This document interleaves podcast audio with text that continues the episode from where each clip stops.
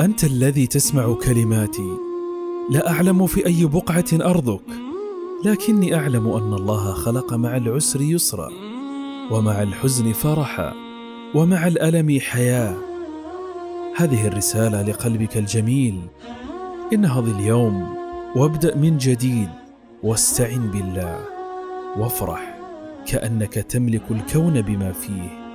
فالله عند ظنك به. فأفراحك قادمة. ابتهج ولا تيأس.